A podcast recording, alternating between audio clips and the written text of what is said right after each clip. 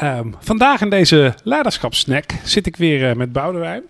Uh, en we gaan het vandaag hebben over Saladin.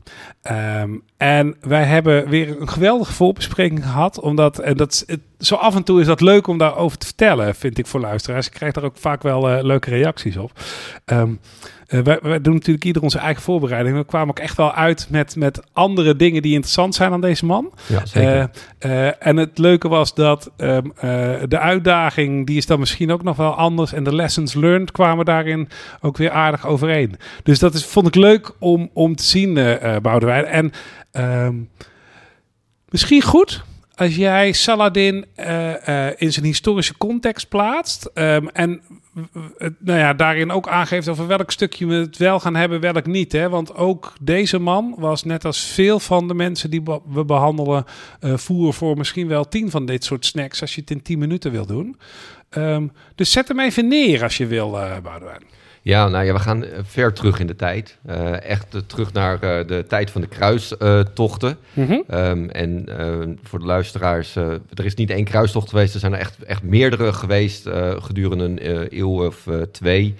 Um, en dit is de derde kruistocht waarin zich dit voor het grootste gedeelte eigenlijk ja. afspeelt. Dat is wel belangrijk om eventjes te markeren. En heel vaak hebben we natuurlijk aandacht voor die christelijke leiders tijdens die kruistochten.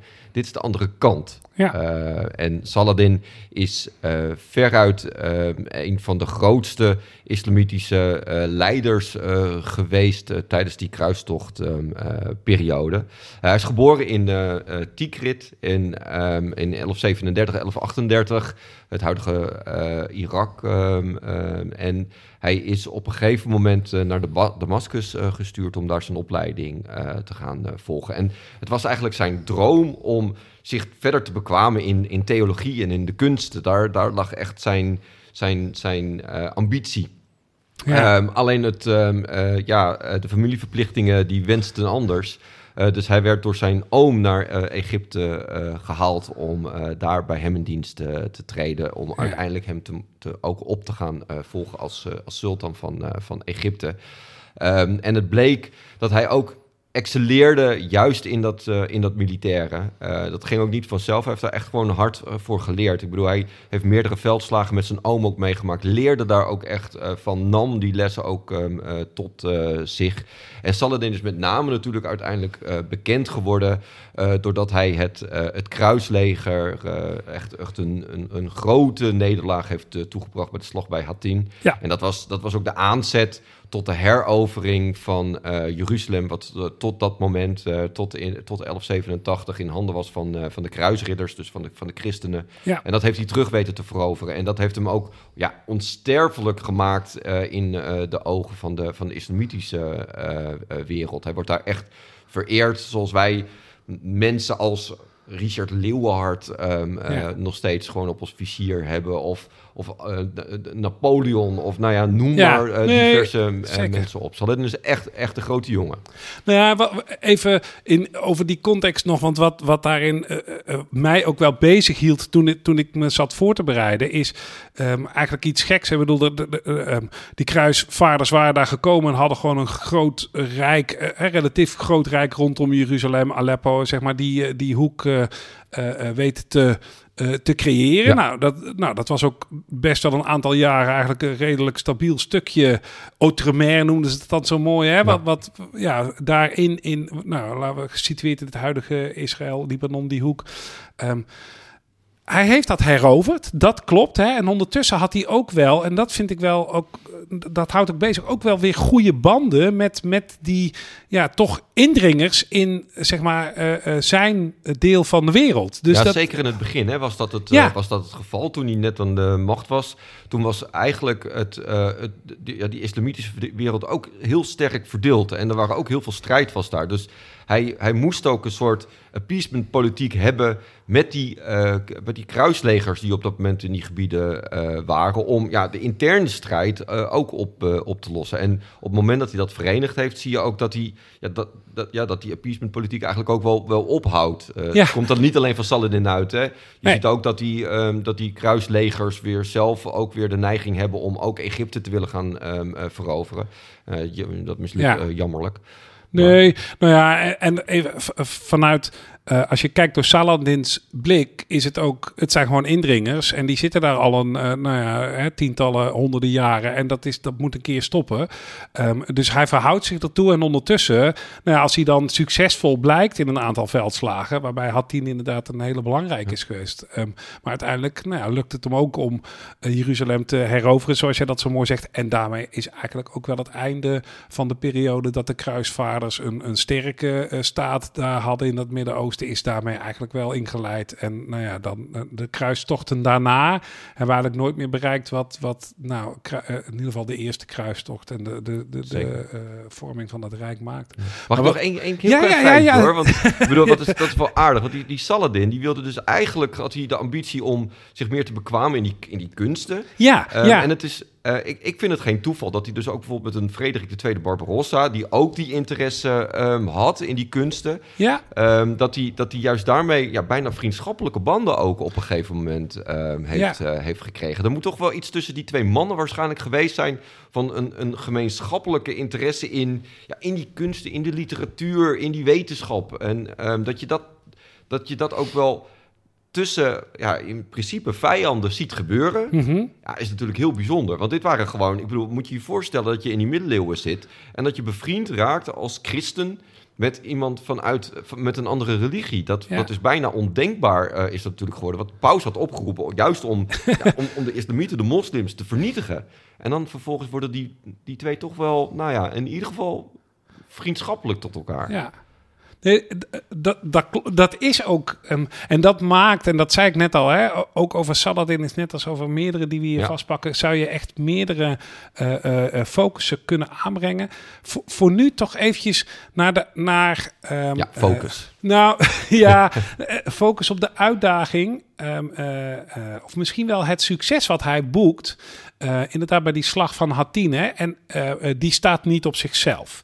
Want het is, dit, is, dit is de bekendste en die is ook een paar keer verfilmd. Maar wat, wat daar uiteindelijk gebeurt is dat er een groot verzameld leger van, van kruisridders en al het voetvolk wat daarbij komt, wordt door hem als het ware steeds verder gelokt op een op terrein wat voor die kruisridders eigenlijk niet gunstig is. In die zin zit er ook wel een soort van verbazing als je dat weer terugleest over hoe, die, hoe, hoe, hoe ze dat eigenlijk um, hebben laten gebeuren. Maar het lukt hem om die kruisridders in een situatie te brengen waarin ze uh, op het slagveld eigenlijk op een ongunstige plek um, uh, met uh, essentieel in die warmte uh, daar in, in de woestenij. Uh, uh, eigenlijk zonder goede voorraden, vooral zonder goede toevoer van water zitten. en dan lukt het hem om nou ja, dat leger wat zichzelf eigenlijk aan het uitputten is, ingegraven zit om zich te verdedigen. En hij heeft zijn bekende strategieën en tactieken om met prikaanvallen. En uiteindelijk komt dat tot een soort van wanhoopsuitbraak. Het leger, de kruisridders zien ook, ja, als wij hier blijven zitten, dan sterven we gewoon binnen nou, uh, nu en een aantal dagen, weken is het gewoon klaar. En dan gaan we dood van honger en dorst. Dus we moeten nu tot actie komen. Er uh, was wel en... heel veel discussie ook over, hè, intern. Er was echt geen unanimiteit over, we moeten nu Saladin gaan, uh, gaan aanvallen, want anders is het te laat.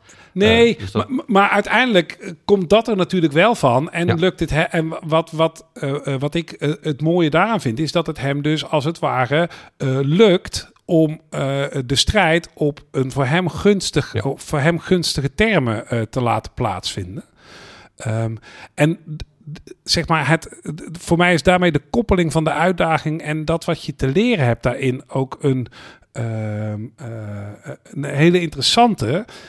Want dit, dit is dus wat hij doet, hè? zowel in wat jij beschreef. Hij wilde eigenlijk vooral zich bekwamen in de kunsten, maar werd gedwongen om uh, politiek leiderschap op zich te nemen, militair leiderschap ja. op zich te nemen. Um, en hij leert daarvan, hij leert wat zijn sterke kracht uh, kanten zijn. Hij leert ook wat de sterke uh, kanten zijn van zijn leger. Hij leert wat de sterke kanten zijn van de omgeving waarin de strijd plaatsvindt. Uh, en weet stukje bij beetje, stapje voor stapje, het zo te doen uh, uh, dat zeg maar, de wedstrijd geen basketbalwedstrijd wordt die hij niet kan winnen, maar een schaakwedstrijd waar hij goed in is. Of willekeurig ander voorbeeld. Um, en dat vind ik wel ja, heel knap en ook wel als je kijkt naar hoe je daar zeg maar, met een hedendaagse blik naar uh, kunt kijken. Meer doen in waar je goed in bent. Uh, de akker rijper maken voor dat wat voor jou gunstig is. Um, of zoals een collega van mij wel eens zegt: uh, als je iets wil veranderen, moet je dat wat je niet wil hebben lastiger maken. En dat wat je wel wil hebben, makkelijker maken. En hij is daar echt een schoolvoorbeeld van. Dat hij dat speelveld voor hem als het ware gunstig weet, weet te schikken. Ja, en wat ik dus fascinerend vind, is dat we um, uh, heel vaak ervan uitgaan, ja, dat zit in, in de genen van die mensen of zo, of dit, dit talent, mm -hmm. dat hebben ze. Uh, en ik denk dat uh, wat Saladin gedaan heeft, was zijn fascinatie om te leren. Ja. Uh, dat hij dat uh, uiteindelijk is gaan toepassen, ook op, uh, op dat militaire en op dat politieke, waar hij zich ja. in moest gaan bekwamen. Dus dat, dat dit niet zomaar een soort intuïtie was dat hij dit deed, maar dat hij dit gewoon van zijn oom geleerd had, van de veldslagen die hij eerder had meegemaakt, en dit tot een soort perfectie heeft weten te maken. Dus het was, in mijn ogen is het bijna een expert op een gegeven moment was het geworden, omdat hij zichzelf had geleerd uh, hoe hij dit soort tactieken ja, kon, kon toepassen. En dat, dat vind ik wel, dat is voor mijzelf is dat echt een hele belangrijke les. Is dat, dat je mag misschien een bepaald talent hebben, maar je ja. moet het blijven ontwikkelen. Ja, ja, dat is zeker mooi. Dat is ja, meer doen van waar je goed in bent eigenlijk.